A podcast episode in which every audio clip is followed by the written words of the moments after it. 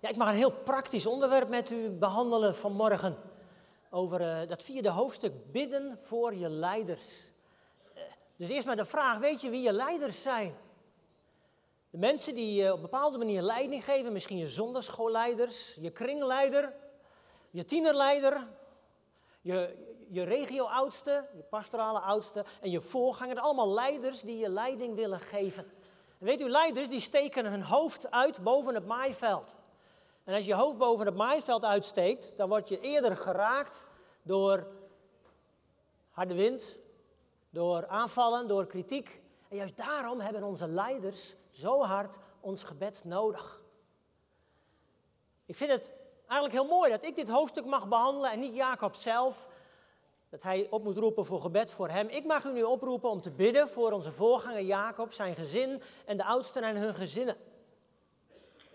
En het is ook zo bijzonder dat God op die manier ons allen inschakelt. Hij schakelt ons zo in om de gemeente één te laten zijn.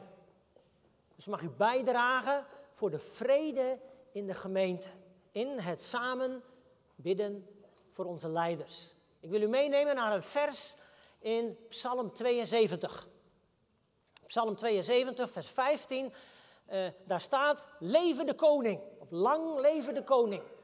Men zal hem goud van Seba schenken, zonder ophouden voor hem bidden. En daar gaat het dan natuurlijk om. Hem zegen toewensen, dag aan dag.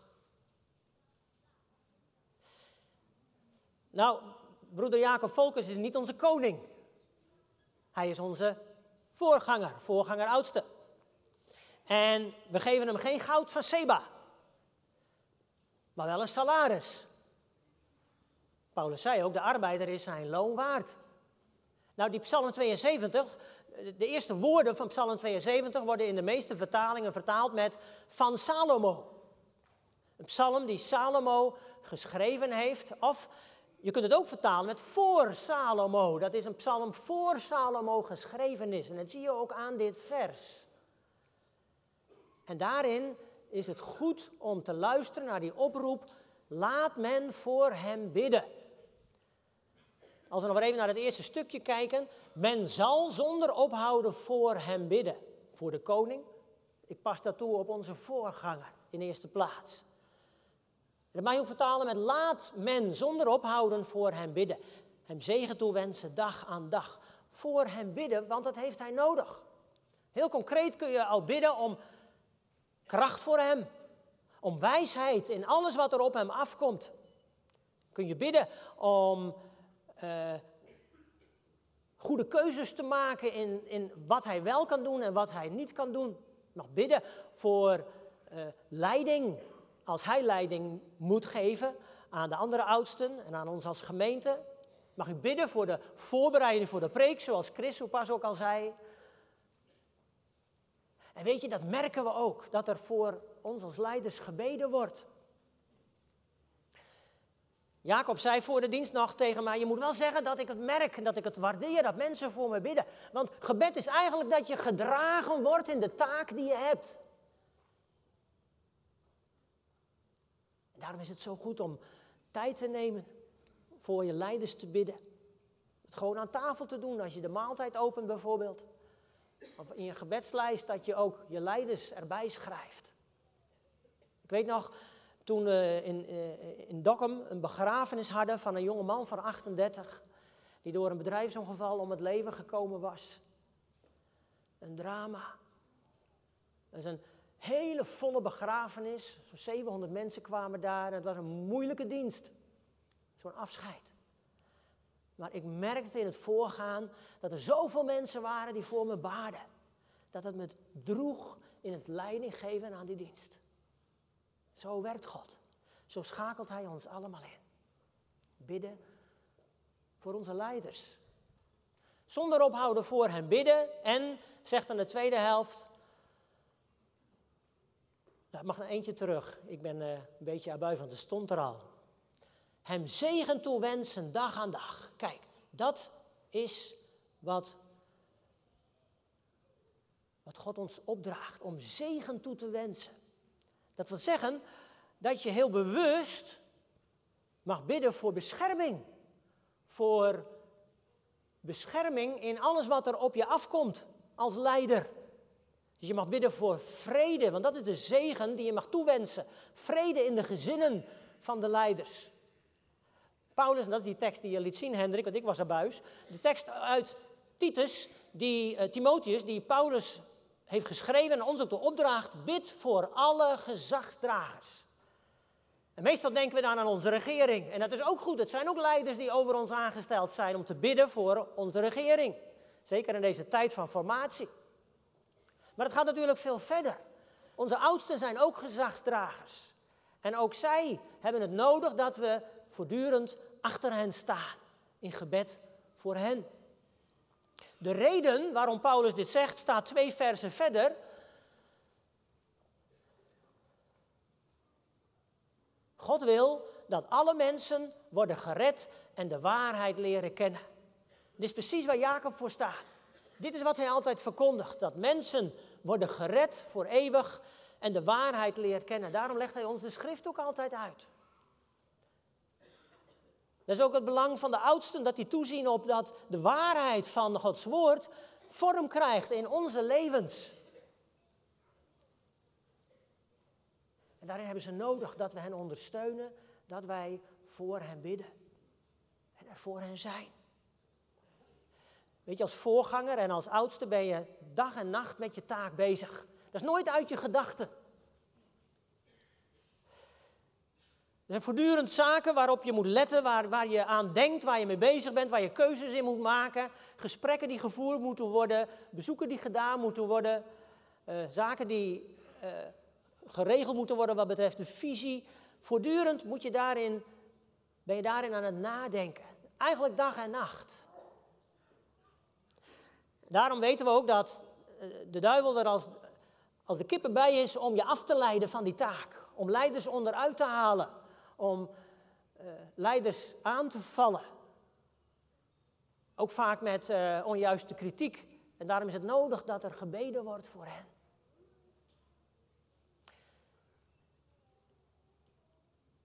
voordat er belangrijke gebeurtenissen gedaan moeten worden als leider, is het ook vaak zo dat de duivel onverwachte dingen laat gebeuren, waardoor je in, in de war gebracht wordt.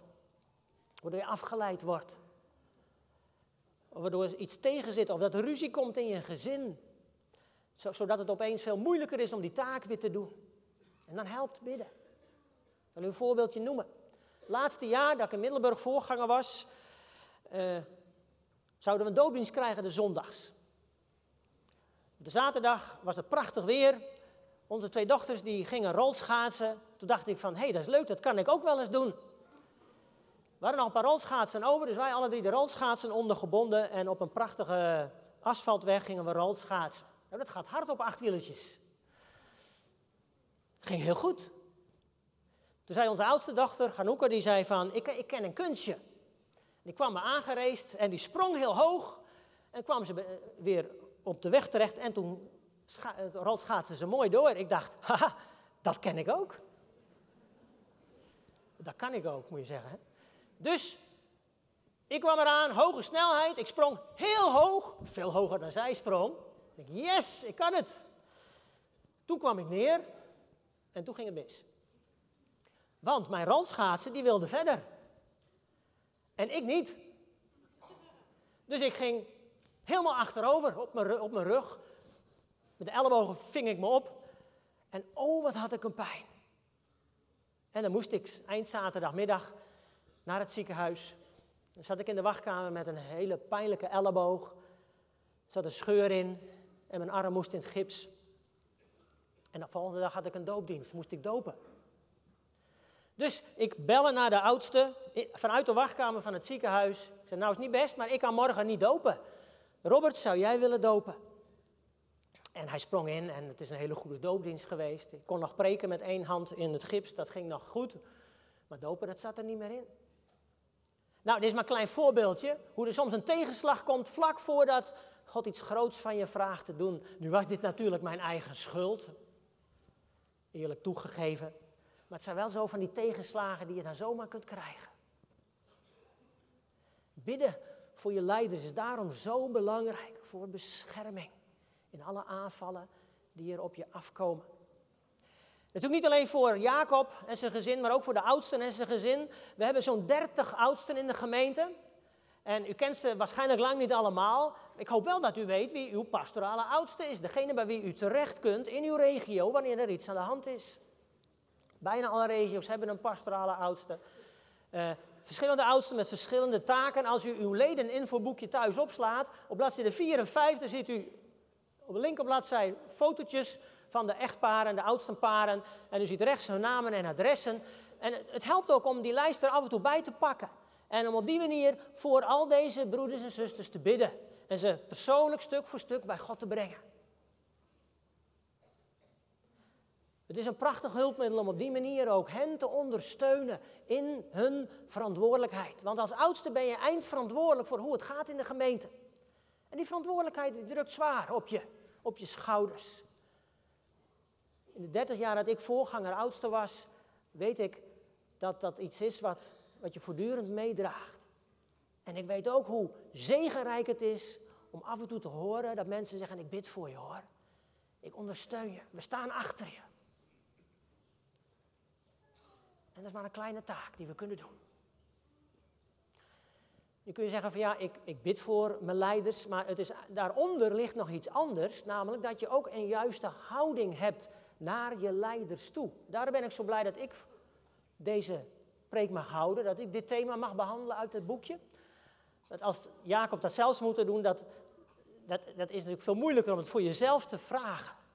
En daarom wil ik echt in de pleit gaan dat u staat voor de leiders van onze gemeente. Dat we er samen voor staan en we zeggen van we, we dragen ze. We beschermen ze ook, ook voor verkeerde kritiek die van buitenaf kan komen of van binnenuit. Dat we zeggen we staan daarin voor hen. Ik wil u meenemen naar drie teksten die geschreven worden, die geschreven zijn over de geestelijke leiders van een gemeente. Over de oudste. Ik neem u mee naar uh, Hebreeën. Hebreeën hoofdstuk 13, vers 7 daar worden we opgeroepen, denk aan uw leiders. En het woord leiders zijn degenen die voorop gaan, letterlijk. Degenen die voorop gaan. Soms vertaald met voorgangers, maar in deze zin de oudsten. Aan hen die u leiden.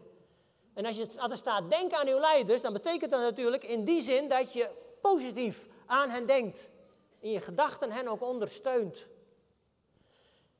Uw leiders die het woord van God aan u hebben verkondigd. Want dat is hun taak, dat is ook in bijzonder de taak die broeder Jacob heeft. Neem een voorbeeld aan hun geloof. Dat je ook mag kijken naar hun levenswandel. Als het goed is, zijn ze daarin ook een voorbeeld. En dan gaat vers 7 verder. Oh, dat is vers 17, dat is 10 versen verder. Daar, daar gaat het nog een stapje dieper. Daar staat: Gehoorzaam uw leiders en schik u naar hen. is een hele belangrijke opdracht die God ons geeft. Waar ik u dan ook van harte, of ons, want ik hoor daar ook bij, van harte toe oproep om je leiders te gehoorzamen. Weet u, dat geeft eenheid in een gemeente. Dat je de leiders volgt in hun opdracht om de visie handen en voeten te geven. Om beleid te maken, om dat vorm te geven en ons daarin mee te nemen. En als de een die kant op wil en de andere wil die kant op, dat werkt natuurlijk niet. Vandaar het nodig is om onze leiders te volgen, te gehoorzamen en u naar hen te, zich naar hen te schikken. Want wat is hun taak? Zij waken over uw leven. In geestelijke zin natuurlijk. En ze zullen daarvan ook rekenschap moeten afleggen. Rekenschap afleggen natuurlijk naar de gemeente. Maar vooral ook rekenschap afleggen naar God, die hen geroepen heeft tot zo'n belangrijke taak.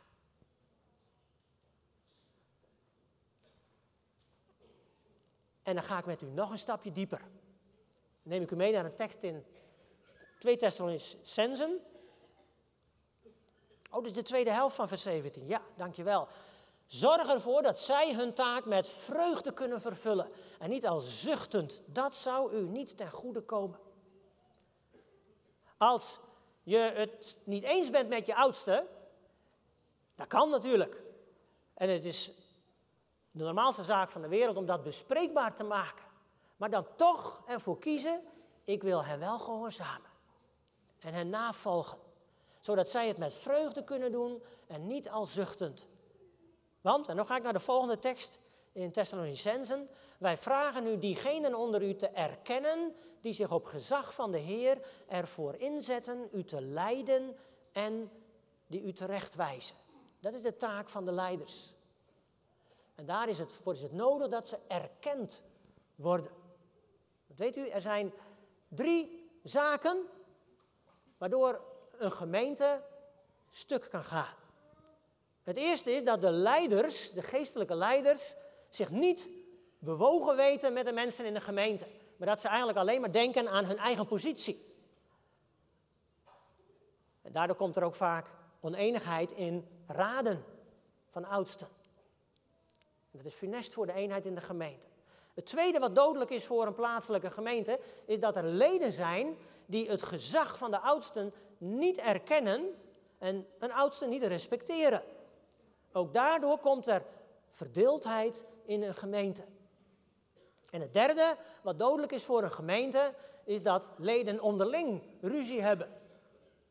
Ook dat is iets wat heel slecht is voor de geestelijke gezondheid van de gemeente. Vandaar in de vorige tekst dat het ook stond, laten ze met vreugde kunnen doen, leiding geven. En niet al zuchtend, dat zou je geen nut doen. En daarom is een heel praktische oproep, neem tijd, regelmatig, om je leiders te ondersteunen. Door je houding, door hen te bemoedigen, door hen te erkennen en door zo voor hen te bidden met die juiste hartshouding.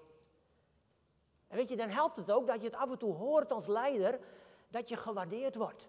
Dan helpt het ook om af en toe te zeggen tegen je oudste: Ik bid voor je hoor. Ik ben blij met hoe je je opstelt. We staan achter je. Het hoeft maar met een paar woordjes. Ik zal je een voorbeeld noemen. Het is maar heel weinig gebeurd dat mensen bij ons thuis kwamen en zeiden van we willen, we willen graag voor jullie bidden. Een jaar of zes geleden belde iemand van de gemeente in Dokkum belde ons op en die zei van is het goed dat ik met een paar broeders eh, langskom eh, om voor jullie te bidden? Ik denk dat is bijzonder. Ja, dat is goed. Maakte een afspraak en dan stonden ze voor de deur, vijf maar sterk. Samen in de zitkamer, in, in de woonkamer, uh, zaten Jook en ik met, met deze vijf broeders. En toen zeiden we, we hebben eerst cadeautjes voor jullie. Cadeautjes, dat is altijd leuk. Alle vijf hadden ze een klein symbolisch cadeautje meegenomen waarin ze hun waardering uitspraken voor onze inzet. Nou, dat was al heel bemoedigend, kan ik u verzekeren. En toen zei de woordvoerder, hij zei, vind je het goed dat ik jouw voeten ga wassen? Ik dacht eerst van, nou, is een beetje gek, niet? Toen dacht ik, waarom ook niet? Hij zei, ik wil op die manier graag laten zien dat we jou willen dienen. Hij zei, mag ik daarom jouw voeten wassen en ze zalven met olie? Nou, ik kan u verzekeren, het was heerlijk. Bedoel ik niet eens zozeer dat voeten wassen, maar dat hele gebeuren, dat die vijf mannen broeders, dat die kwamen en ook voor ons gingen bidden. We hebben een heerlijke avond gehad. Hij had zelf een taaltje en een flesje mee en een handdoekje. Dat ging allemaal prachtig. Ik vond het bemoedigend. Moeten niet allemaal op de stoep staan bij Jacob. Met een taaltje en een uh, flesje water natuurlijk. Maar gewoon af en toe zeggen bij het handen schudden bijvoorbeeld van... Ik bid voor je hoor.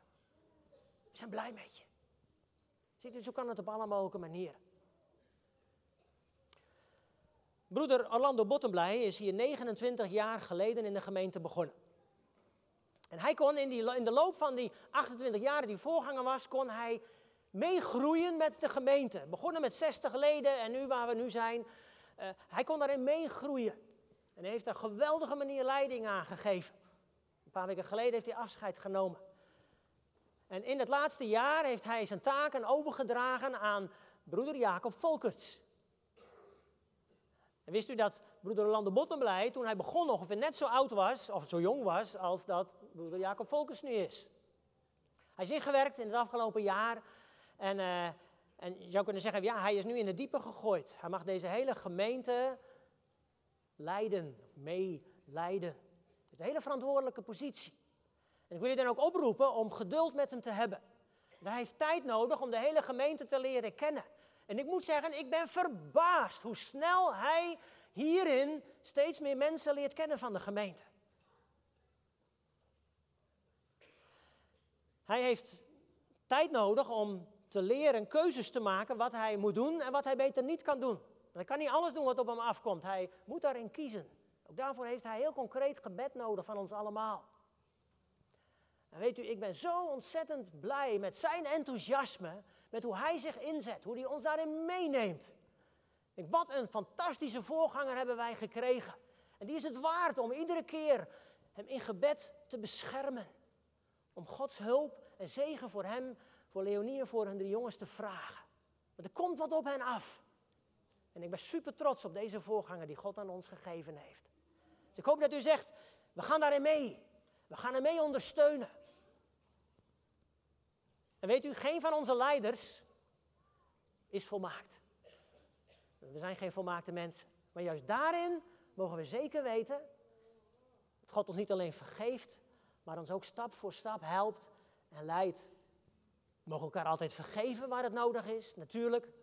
En zeggen van kom op, we gaan ervoor. En dan ben ik ervan overtuigd, dat kan God nog zoveel meer zegen geven.